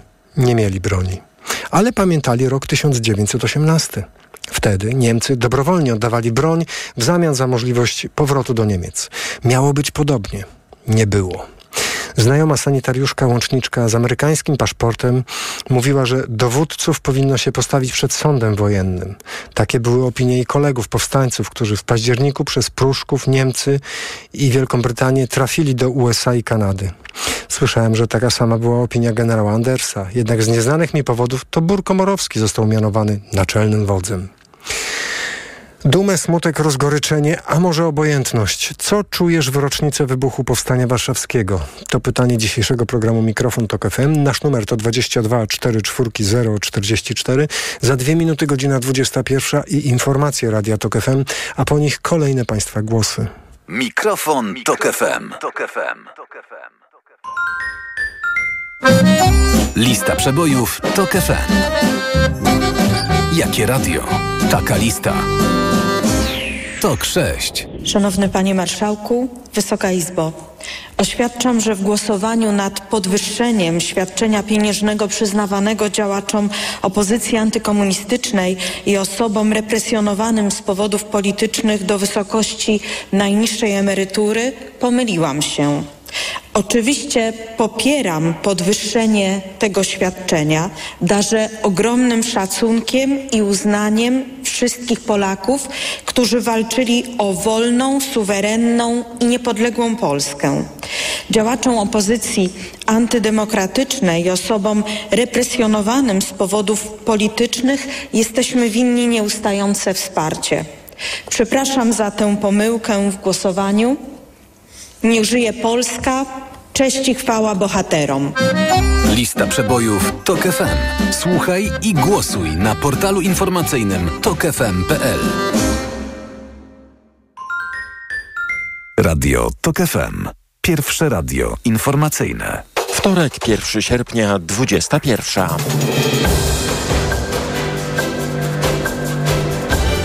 Informacje Tok FM. Wojciech Kowalik. Białoruskie śmigłowce naruszyły dziś polską przestrzeń powietrzną, przyznaje resort obrony. Powstańcy warszawscy wspominają wydarzenia sprzed 79 lat. Dziś obchody rocznicy wybuchu powstania. Władze Poznania chcą zrobić porządek z hulajnogami i rowerami blokującymi, blokującymi chodniki i ścieżki rowerowe.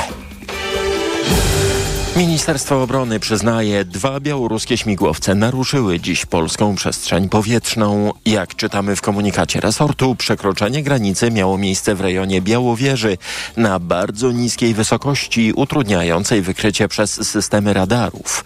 O incydencie zostało poinformowane NATO, a do polskiego MSZ-u zostanie wezwany Charge d'Affaires Białorusi w celu wyjaśnienia zdarzenia. Wcześniej w ciągu dnia polskie służby zapewniały, że białoruskie śmigłowce nie naruszyły polskiej przestrzeni, mimo że widzieli je mieszkańcy okolic Białowieży, w tym profesor Rafał Kowalczyk z Instytutu Biologii Ssaków Polskiej Akademii Nauk, z którym rozmawiał nasz reporter. Było z dokładnie 8.43, bo to sprawdzałem, jak wjeżdżałem od strony Pogorzelec przy skansenie. No i widziałem te śmigłowce, wiesz, które lecą. No, miałem wrażenie, że bardzo blisko i leciały w stronę centrum Białowieży, tak od granicy. W tej sprawie pojawiła się już reakcja Stanów Stanów Zjednoczonych. Poważnie podchodzimy do bezpieczeństwa NATO i będziemy pracowali nad tym, by zapewnić, że każdy centymetr kwadratowy NATO pozostanie bezpieczny, mówi rzecznik Pentagonu. Powstańcy warszawscy wspominają wydarzenia sprzed 79 lat. W rocznicę wybuchu zrywu w mieście zawyły syreny, a ogień pamięci zapłonął przy pomniku Mokotów Walczący w parku Dreszera. Będzie tam płonął przez 63 dni, bo tyle trwało powstanie warszawskie. A tak pierwsze dni sierpnia wspomina Adriana Bogucka, w która w 1944 roku miała 12 lat. Powstanie zastało mnie w parku Dreszera. Była to godzina za 15 piąta i chłopcy powiedzieli uciekajcie dzieci do domu, bo będzie wojna. Przyszłam do domu, a 4 sierpnia zostałam bezdomna. Widziałam jak się mój dom pali i zaczęło się życie tułacze dziewczynki dwunastoletniej przez 9 miesięcy. A teraz na Placu Piłsudskiego trwa koncert niezakazanych piosenek. To już coroczna tradycja 1 sierpnia. To są informacje TOK FM. Rada Polityki Pieniężnej zastawiła na siebie pułapkę. Tak uważa dr Jakub Borowski, główny ekonomista banku Credit Agricole. Jak tłumaczył w magazynie EKG, chodzi o deklarację szefa Narodowego Banku Polskiego Adama Glapińskiego w sprawie ewentualnej obniżki stóp procentowych. Tomasz Do pierwszego cięcia stóp może dojść już po wakacjach, jeśli inflacja będzie wtedy jednocyfrowa. Taki warunek stawia prezes NBP. Kryje się w tym jednak pewna pułapka. Wyobraźmy sobie taki scenariusz, w którym ta inflacja wynosi, wstępna inflacja podana na początku września, wynosi 9,9. Mówi Jakub Borowski z banku Credit Agricole. Rada Polityki Pieniężnej się zbiera na początku września, podejmuje decyzję o obniżeniu stóp procentowych. A potem w połowie września mamy już oficjalne dane o inflacji, te pełne, gdzie GUS rewiduje tę inflację i mamy 10%. Ekspert podkreśla, że taki scenariusz może podważyć zaufanie do NBP i wcale nie przybliży inflacji w Polsce do pożądanego celu, który wynosi 2,5%. Tomasz Setta, TOK FM. Węgry są jedynym krajem Unii Europejskiej, w którego rządzie nie zasiada ani jedna kobieta, zauważa portal Euronews. Stało się tak po tym, jak ze stanowiska ustąpiła ministra sprawiedliwości. Według analizy Euronews kobiety stoją obecnie na czele jednej trzeciej ministerstw w Unii Europejskiej, a najmniej kobiet kieruje ministerstwami na Malcie, w Czechach i Polsce, z zamykającymi to zestawienie Węgrami. Władze Poznania chcą zrobić porządek z elektrycznymi hulajnogami i rowerami blokującymi chodniki lub ścieżki rowerowe. Oznacza to zmiany dla użytkowników tych pojazdów, bo już wkrótce będzie można je parkować tylko w wyznaczonych miejscach. Maciej Szefer. Zmiany będą radykalne, bo zamiast parkować elektryczne rowery czy hulajnogi, tam gdzie mieliśmy na to ochotę, trzeba będzie już niedługo podjechać do jednej z 273 wydzielonych stref, mówi Agata Kaniewska. Mamy zapewnienie ze strony operatorów, że jeżeli ktoś nie odstawi w y, punkcie mikromobilności y, hulajnogi współdzielonej, to nie będzie mógł jej tak naprawdę oddać, czyli opłaty będą ciągle naliczane. Przedstawicielka Zarządu Dróg Miejskich wskazuje, że miejsca postoju pojazdów współdzielonych będą tam, gdzie do niedawna były parkingi zlikwidowanego już systemu miejskich rowerów. Chodzi nam przede wszystkim o to, aby uporządkować y, parkowanie rowerów i hulajnóg na poznańskich ulicach. Punkty mikromobilności mają działać już za około 3 miesiące. Maciej Szefer, TOG FM. Pogoda. Noc w kraju zapowiada się deszczowa, zwłaszcza na Śląsku, w Małopolsce, na południu Mazowsza i na Lubelszczyźnie. Z kolei nad morzem niewykluczone są burze, a na zachodzie więcej przejaśnień. Na termometrach tej nocy na ogół od 13 do 16 stopni. A jutro w kraju więcej słońca, choć synoptycy ostrzegają przed możliwym przelotnym deszczem.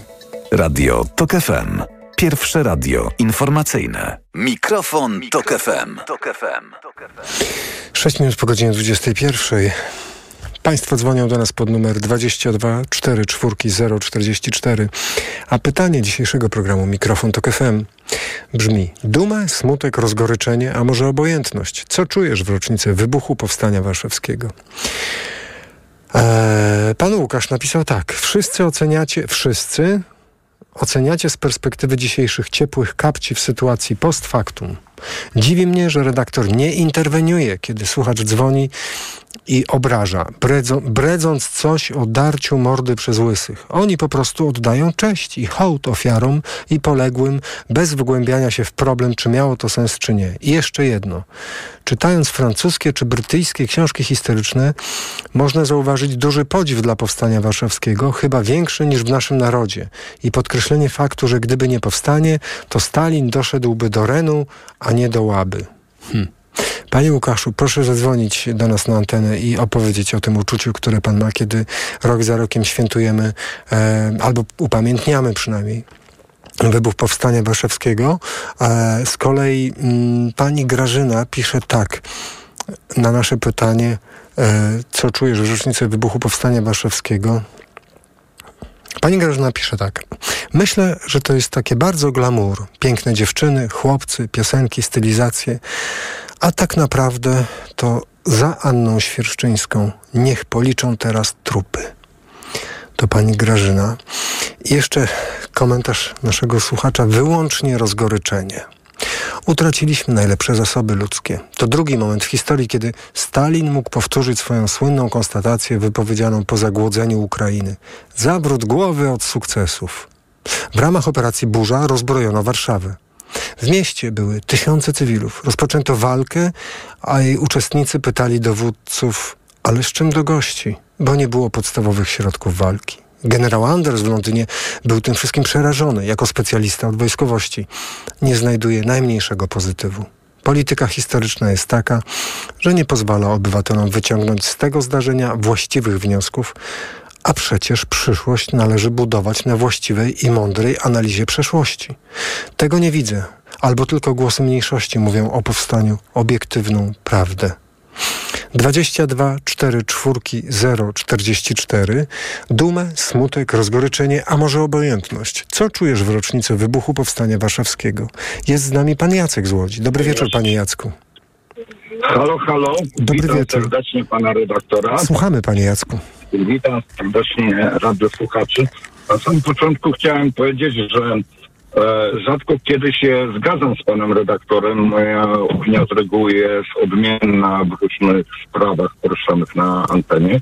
Natomiast dzisiaj bardzo mi się spodobało i bardzo bliskie temu, co, co gdzieś tam czuję w duszy, było pana wywołanie powstania w getcie warszawskim. Czy ono miało, miało sens, czy nie miało sensu.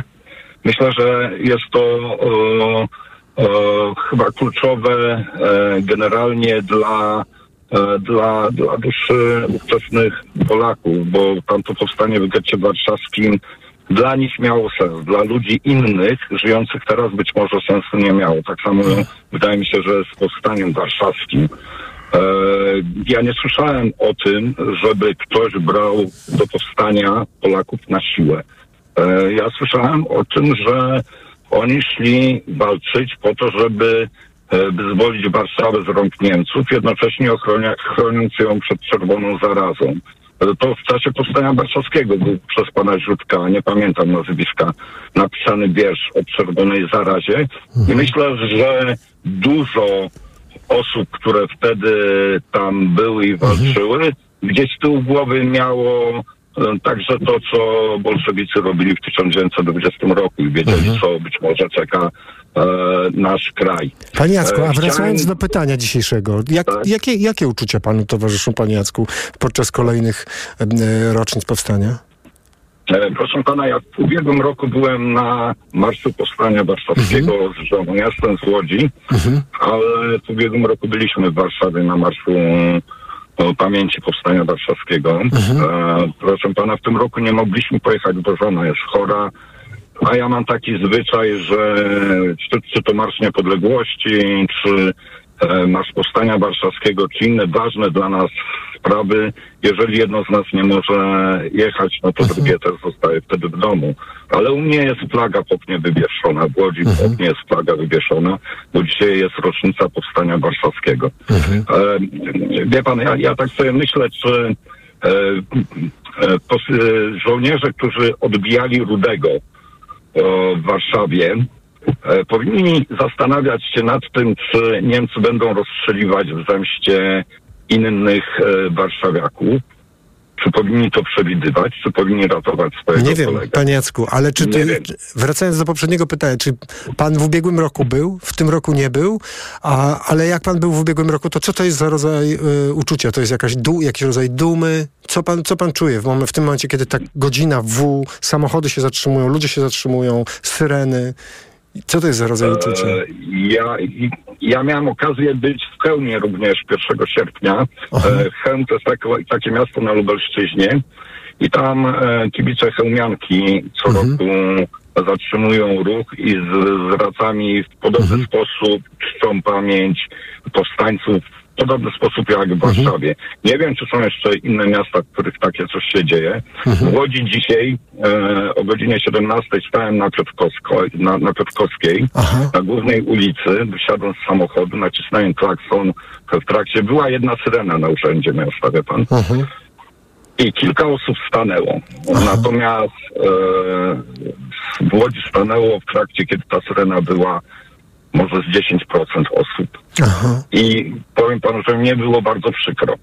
Mnie było bardzo przykro, że mm, bo ja rozumiem obcokrajowców, których jest dużo na Piotrkowskiej i oni mogli nie wiedzieć o co chodzi. Ale bardzo mi było przykro, że dużo młodych ludzi mm, na, nawet nie wstrzymało kroku, nie? Panie Ja Jacku, się to- zastanowiło, dlaczego, tak. dlaczego byją, prawda? I teraz, tak. proszę pana, mm, y, było dużo różnych Mhm. e, opinii na temat powstania. E, i- I właśnie jeden z panów powiedział o Ukraińcach. Niemcy mówili, że nie warto im pomagać, bo po trzech dniach i tak przegrają, tak przegrają. Jeżeli oni by mieli kalkulować, czy będzie Bucza, czy nie będzie, i żeby Buczy nie było, to może lepiej się poddać, to i tak by była Bucza, i tak by była Bucza. Panie Jacku, dajmy jeszcze szansę innym słuchaczom. Pan Jacek z Łodzi był z nami. Bardzo dziękujemy za ten głos. Pan Dariusz z Kielc. Dobry wieczór, panie Dariuszu. Dobry wieczór. Ja myślę, że w naszym narodzie jest taki problem, że my bardzo często wszystko oceniamy, a najłatwiej ocenia się wszystkich po czasie, mając dostęp do pełnej do dokumentacji. I dzisiaj najlepsi eksperci to są ci, którzy sobie właśnie wygooglowali, ilu to ludzi zginęło, jaka krzywda się wydarzyła i że należy tych ludzi potępić. A e, trzeba wziąć pod uwagę, że Ale których? Tych, co zginęli? Nie, tych, którzy wydali nie, rozkaz tych, chyba. którzy wywołali, tak, Rozumiem, którzy wywołali tak, rozumiem. Mhm, mhm. E, mamy 44 rok, wszyscy się rwą do tego, żeby dokopać Niemcom. Każdy chce walczyć, każdy chce wolnej Polski. E, to Mhm. nie jest tak, że tylko dowódcy podjęli tą decyzję, ale podjęli również ją powstańcy, którzy chcieli e, odwdzięczyć się Niemcom za kilka lat okupacji za te krzywdy, które się tam działy, mając świadomość, że Niemcy są już na wykończeniu, że ta armia jest coraz słabsza. Panie Nie Dariuszu, ale w kierownictwie AK były osoby, które mówiły, że powstanie nie powinno wybuchnąć. Tylko ich było za mało. Panie redaktorze, ja zadam takie inne pytanie. Mhm. Wie pan, co to jest linia Kerzona? Tak, wiem.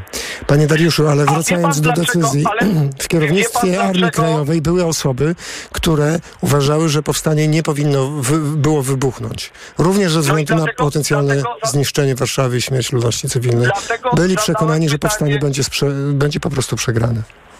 Dlatego zadałem pytanie, czy wie pan, co to jest linia Kerzona? Bo Tak, ale jaki to ma związek? Wyznaczył, no tak, ale to Lord Curzon wyznaczył Mhm. tą linię tylko dlatego, że uważał, jak i reszta e, Mhm. naszych sojuszników po I wojnie światowej, że nasza konfrontacja z, ze Związkiem Radzieckim z góry e, jest Mhm. przegrana i tego państwa się nie utrzyma.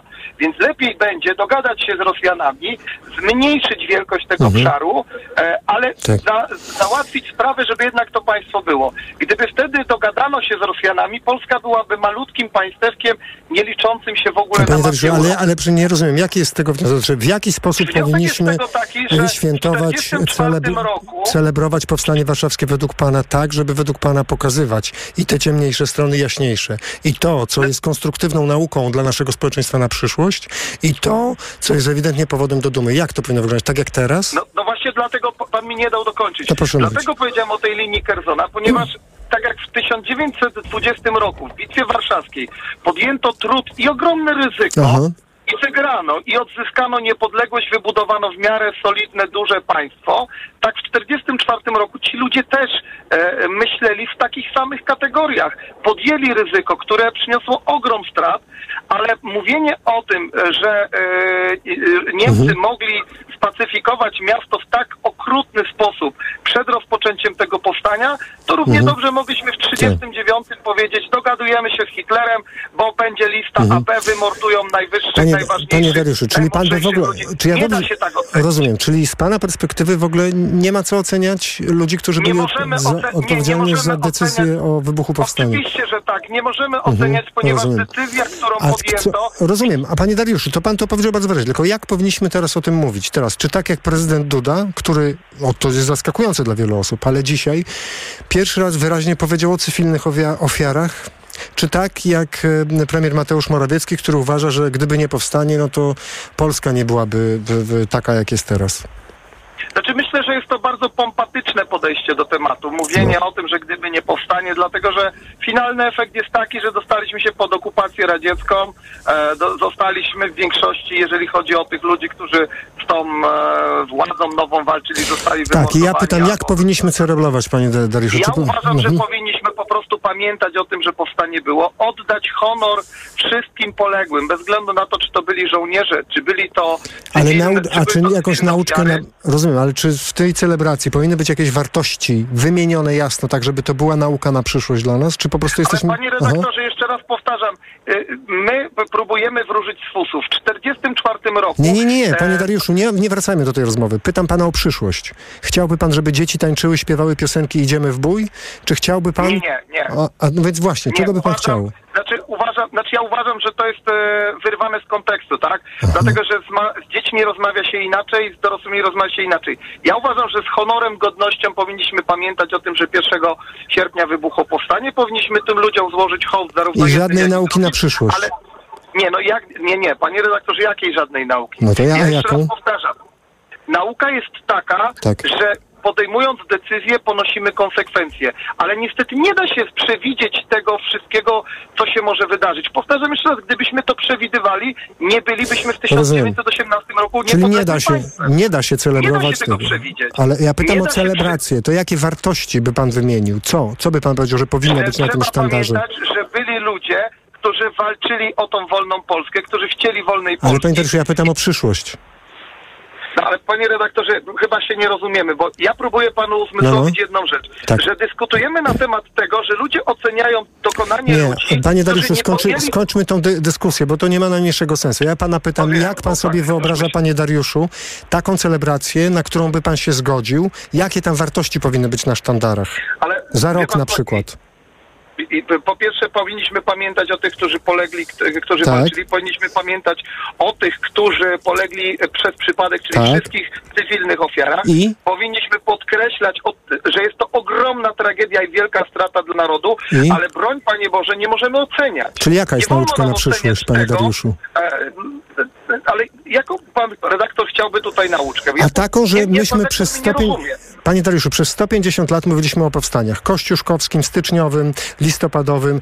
Y, Teraz mówimy o warszawskim. Mówimy o powstaniach. Czy według pana to buduje nas jako społeczeństwo? Każdy rok te dzieci biegające po scenie, Muzea Powstania Warszawskiego i tak dalej, i tak dalej. Przecież to pokazuje ludziom, co w sytuacji krytycznej nasze społeczeństwo powinno robić. I według pana, jaki jest wniosek z tego? Nauka na przyszłość, że jakie wartości powinniśmy podkreślać podczas takich celebracji? Może to, że może, może taką wartość, że jeżeli się potrafimy zjednoczyć i działać wspólnie razem, Aha. to osiągamy cel. O. Może to jest taką wartością nadrzędną, że jeżeli potrafimy działać wspólnie Aha. razem, to dzięki temu ten cel osiągamy, tak jak było w 1920 roku. Panie A może Dariuszu, wtedy, sub- kiedy mhm, dochodzi do tak. podziałów, to nie ma tego Rozumiem, rozumiem. Panie Dariuszu, bardzo dziękuję za bardzo interesujący głos pana Dariusza Skielc. Dziękujemy bardzo za ten e, telefon. Pod numer 22 44 044 pan Piotr z Warszawy zadzwonił. Dobry wieczór, panie Piotrze. Dobry wieczór. Słuchamy ja właśnie pana. chciałem tak jakby... Halo, halo? halo? Tak, słuchamy pana, jest pan na antenie, proszę mówić. Y, Ja mam takie, wra- odniosłem takie wrażenie, jakbyśmy, mm, nie wiem, trochę mieli, y, jak gdyby to powstańcy mordowali tą y, ludność cywilną. Ja myślę, że to chyba Słucham? też trzeba powiedzieć, kto, kto ich mordował, tak? Panie Piotrze, przepraszam, ale Halo, halo? chyba powiedział pan coś strasznie dziwnego, że powstańcy mordowali ludność cywilną? Rozumiem, że się pan Znaczy, nie, przejęzyczył. mam wrażenie, że tak, tak jakby, jakby trochę byśmy ich oskarżali o, o, o to, co się stało, tak? A to chyba, to chyba nie oni mordowali, oni... Nie, nie, panie Piotrze, nikt tego na no to antenie nie chyba- powiedział. Proszę w ogóle w ten sposób tego nie formułować. No przecież ta, nic takiego nie padło na antenie. Znaczy, nie, no przepraszam, znaczy chodzi o to, że jakby przez nich, tak, jakby e, została wymordowana ta, ta ludność, a to chyba... Nie, no, takiego oskarżenia mordował, nie, tak? nie, No nie, to- nie padło na naszej antenie, panie Piotrze. To jest w ogóle, moim zdaniem to jest obraźliwe dla ludzi, którzy poszli walczyć w powstaniu, że to oni są winni e, i tak jakby oni mordowali. Nie, panie Piotrze, no, skąd taki wniosek, tak, proszę tak, powiedzieć? Tak, tak jakby przez nich, tak jakby przez nich e, ci ludzie zginęli, a tak naprawdę m, ci ludzie nie, nie musieli zginąć, tak, no bo e, skoro powstańcy przegrali, tak, Mhm. no to Niemcy no nie musieli mordować ludności cywilnej, Ja tak? rozumiem, panie Piotrze, to są dywagacje. Jedyne, co padło w dzisiejszej audycji, to z ust kilku słuchaczy i słuchaczek wyraźne oskarżenie kierownictwa wojskowego, ale nie osób, które poszły bić się z Niemcami. Tak, nie, tak, tak, żaden z takich głosów w naszej antenie dzisiaj nie, nie wybrzmiał, na pewno, panie Piotrze. To jest... Mhm, To przepraszam, bo m, Nie, to nie. tak No, kilka ale proszę, to proszę się zmierzyć z dzisiejszym pytaniem. Kolejna e, rocznica wybuchu Powstania Warszawskiego, a pan osobiście jakie ma uczucia z tym związane? Co, co pan czuje? Że dumę, smutek, rozgoryczenie? Które jest? A może zupełnie inne uczucie? Jak, jak, jak pan to To, to czuje? znaczy to, to pewnie tak i dumę i rozgoryczenie, tak? Z jednej strony, że tyle osób zginęło i że miasto zostało zrujnowane, tak? Mhm. No ale z drugiej strony dumę, że jednak no, walczyliśmy, tak? Że, że, że próbowaliśmy, próbowaliśmy walczyć. Tak. E, A jak pan sobie wyobraża taką celebrację tego, takie przypominanie o tym fakcie, które by dawało nam na przyszłość jakieś pozytywne wartości naszemu społeczeństwu? No na pewno trzeba, trzeba o tym pamiętać, tak? Jak, Mhm. mm, nie wiem, teraz y, póki żyją ci powstańcy, żeby właśnie móc, móc y, y, z nimi rozmawiać, tak?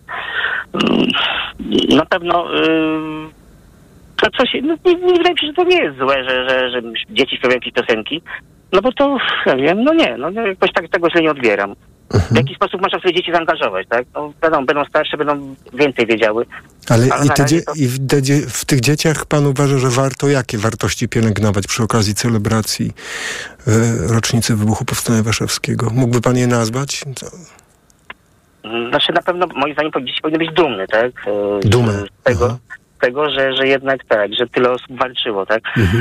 To, że się tak się to skończyło tragicznie, no to, no to tak, no to to jest e, na pewno bardzo smutne, ale, ale jednak jakaś tam duma jest, tak? Tego, że i też nie wiemy do końca, bo tu mówię, możemy tak sobie teraz łatwo o tym rozmawiać, ale nie wiemy faktycznie, co by było, gdyby, gdyby nie było tego powstania, tak? Ale wiemy, co będzie z tymi dziećmi, jak dorosną, w zależności od tego, co będziemy im mówili o powstaniu.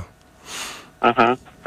Te dzieci kiedyś będą dorosłe, będą tworzyły społeczeństwo i być może, tak jak przed chwilą nasz słuchacz zadzwonił, powiedział, w chwilach, kiedy jesteśmy zjednoczeni, a rzeczywiście robimy rzeczy wielkie, wspaniałe i może taka wartość, nie wiem. No tak, tak, no to myślę, że tak na pewno. Mhm. Panie Piotrze, bardzo dziękuję za Pana głos. Pan Piotr z Warszawy był z nami.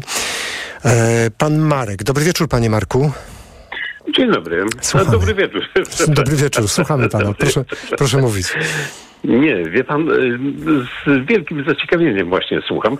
Y, Natomiast, y, wie pan, ja bym taką podwójną parabolę zrobił między powstaniem w getcie, powstaniem warszawskim, a tym, co się teraz dzieje na Ukrainie. Wie pan, to wbrew pozorom ma swoje jakby połączenia. Y, Dlatego, że mój teściu, um, ja, ja, ja dzwonię z Woli, z Warszawy. E, mój teściu dwa razy uciekał spod ściany i wie pan, co on mi powiedział?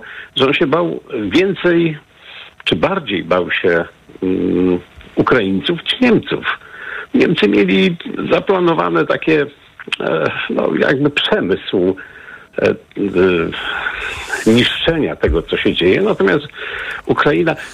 Nie, Panie Marku, Pan używa powiedzieć? określenia Ukraińcy, ale historycy przecież zgodnie mówią, że tak, Pan używa tego określenia, tylko przypomnę, że Ukraińcy Nie, mówią, nie, że... nie, nie Ukraińcy. SS Galicjen.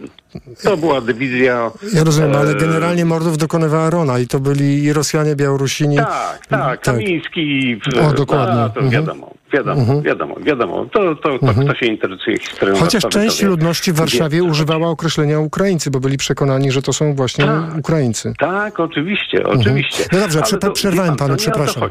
Tak, to nie o to Nie o chodzi, to proszę chodzi. mówić. E, O co chodzi? E, Chodzi o to, że myśmy jeszcze z, teraz przyjmując, e, pan się zapytał, mm, co w przyszłość, Mhm. Co w przyszłości będzie. My musimy przepracować pewne tematy w, i, i nasi przyjaciele z Ukrainy muszą też przepracować pewne tematy. I z Niemiec. E, mm, Myślę, że. A przyjaciele z Niemiec, panie, Ma panie Marku? Dlaczego pominął? Pominął pan przyjaciół z Niemiec. A, nie, nie, nie, nie. Tak, ja tak. Nie, nie wiem, czy... no nie powiedział pan o Niemcach. Nic. Nie, nie, nie, nie, nie, nie, nie, nie, nie, nie. Ja nie powiedziałem, e, ani nie pominąłem Niemiec. Nie ja, wspomniał pan o nich. Tak. mm, Powiedziałem o przyszłości, która nas czeka. E, My mamy z Niemcami mniej więcej, mniej więcej, powiem, poukładane e, jakby relacje. Natomiast z Ukrainą my mamy też poukładane, natomiast no jakby to powiedzieć, to gdzieś tą srebrną e, lirę gdzieś żeśmy zgubili i wydaje mi się, że jesteśmy blisko jej znalezienia.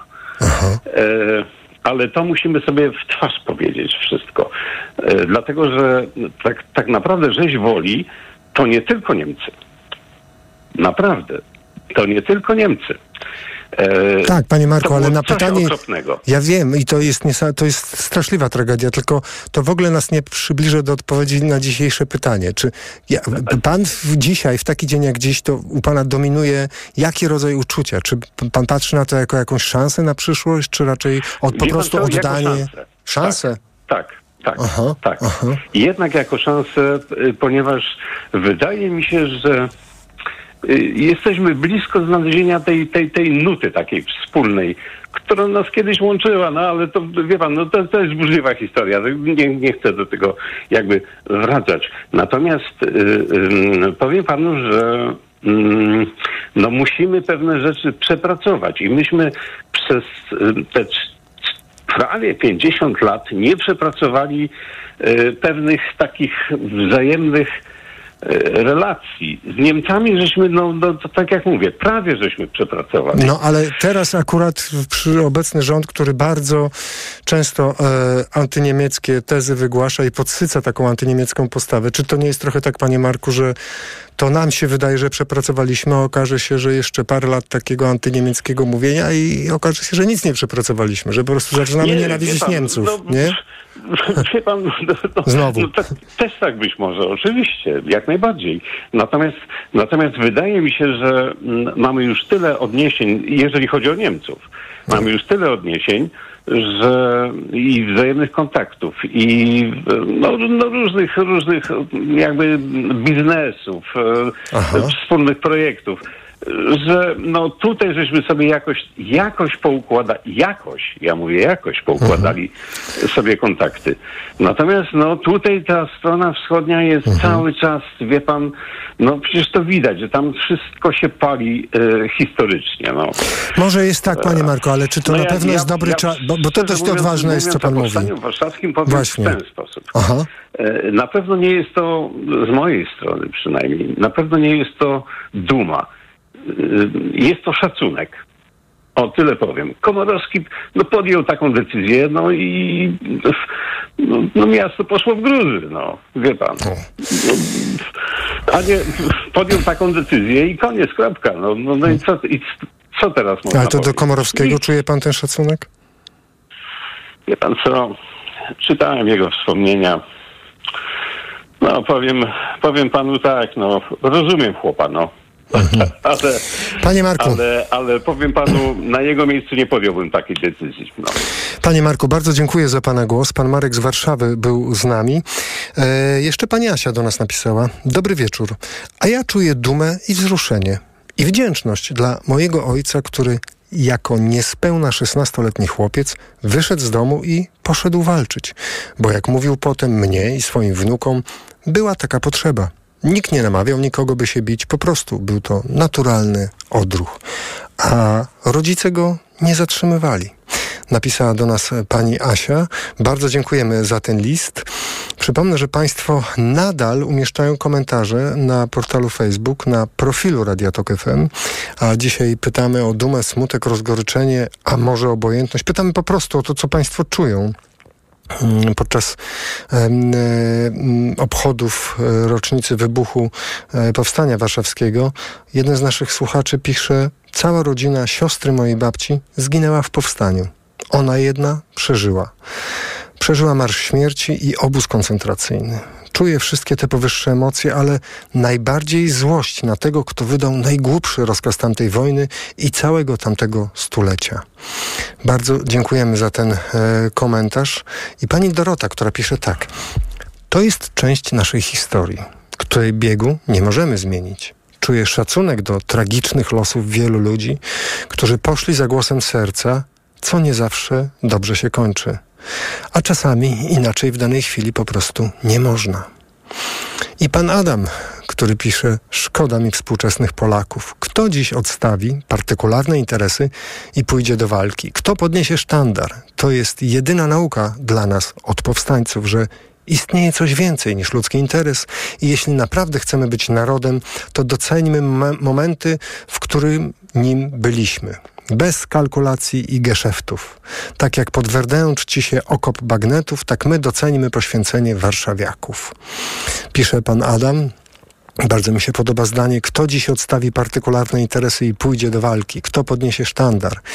E, dziękujemy e, panie Adamie za pana, e, za pana wpis. E, no, w godzinie próby pewnie się okaże, a może ta godzina próby, e, panie Adamie, już trwa i y, tak od rocznicy do rocznicy, od przypominania o powstaniu do przypominania o powstaniu. W zasadzie budujemy nasz dzisiejszy świat, nasze społeczeństwo i nasz kraj właśnie tak, a nie inaczej, opowiadając o powstaniu. Przypomnę, rozpoczęliśmy dzisiejszy program po godzinie 20 od kilku cytatów, między innymi z dzisiejszych wypowiedzi e, premiera naszego rządu, ale też prezydenta naszego kraju i okazuje się, że e, można akcentować zupełnie inne aspekty tego tragicznego wydarzenia. Hmm, gdzie indziej stawiać e, te akcenty i do innych wartości się odnosić. Przypomnę, premier twierdził, że powstanie funduje naszą współczesność, w sensie takim, że Polski, Warszawy by nie było takiej, jak, jaka jest, gdyby nie powstanie, a z kolei prezydent, ku zaskoczeniu wielu osób, pochylił się nad losem ofiar cywilnych, okrutnie traktowanych na warszawskiej Ochocie i tam przed tak zwanym Zieleniakiem e, wygłosił przemówienie, bardzo inne od tego, które wygłosił w ubiegłym roku, co przypomniał na naszej antenie nasz słuchacz, kiedy to rok temu, e, wręcz zagrzewając do walki, krzyczał prezydent, że warto było mm, iść e, do walki, a być może to jest tak, że my sami trochę zmieniamy nasze myślenie o powstaniu warszawskim w kontekście wszystkich rzeczy, które na ten temat słyszymy, wszystkich rzeczy, które o tym myślimy i wszystkich tych dyskusji, które przeprowadzamy, a trzeba powiedzieć, że mm, tych dyskusji od dziesiątek lat nie jest coraz mniej. Jest ich zdać by się mogło coraz więcej. Bardzo dziękuję tym wszystkim, którzy dziś wzięli udział w programie Mikrofon Tok FM, e, programie, który przygotowywała i wydawała Małgorzata Wołczyńska, a realizował Krzysztof Olesiewicz. Jest 21.34, czyli za 20 parę minut e, informacja Radia Tok FM o 22, ale skoro dziś wtorek, to przy okazji zaproszę Państwa na cykliczną, co wtorkową audycję Los Polandos, czyli niepolski punkt widzenia. Dziś naszym gościem będzie sportowiec i to nie tylko amator, ale w pewnym momencie swojej kariery wręcz zawodowiec, który postanowił zostać prawnikiem. A tak się ciekawie złożyło, że w tą dżdżystą w wielu miejscach w naszym kraju pogodę nasz gość zjawia się z Anglii, dlatego że urodził się i wychował w Londynie. Z jakiegoś powodu wybrał Polskę na miejsce swojego życia. Dlaczego? O to też zapytamy. Los Polandos, czyli nie polski punkt widzenia. Dziś można by rzec brytyjski punkt widzenia. Po godzinie 22. Mikrofon, Mikrofon Tok FM. Tok FM. Tok FM.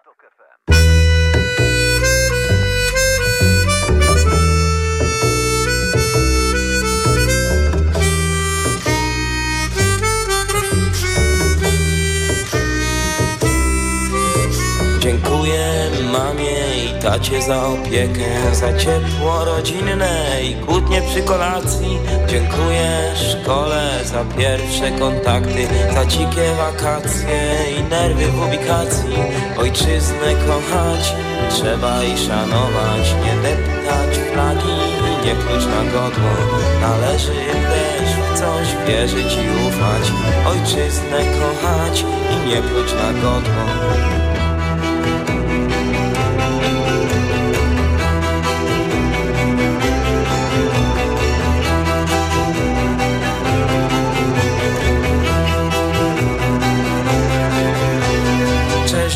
uciekasz, ty się pod mój parasol. Tak strasznie leje i mokro wszędzie.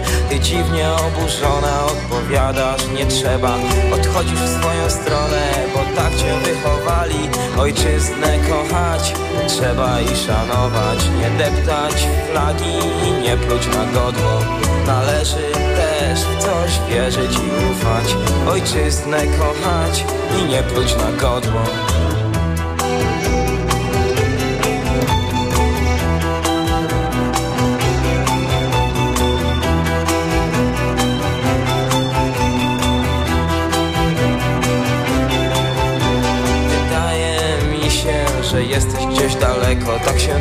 tylko wydaje, bo właściwie ciebie nie ma.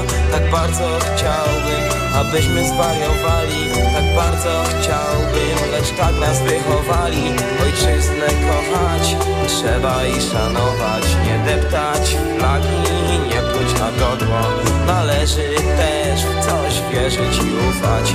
Ojczyznę kochać i nie pluć na godło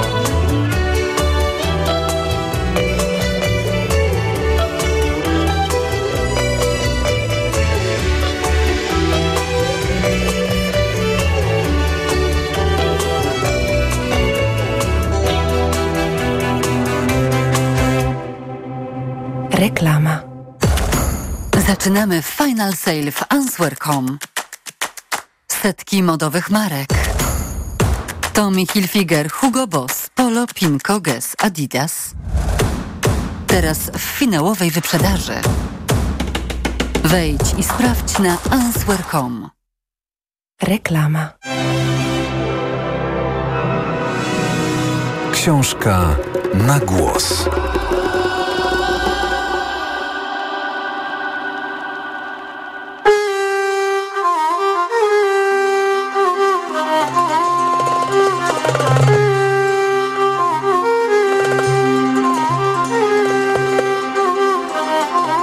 Oksana Zabuszko. Najdłuższa podróż.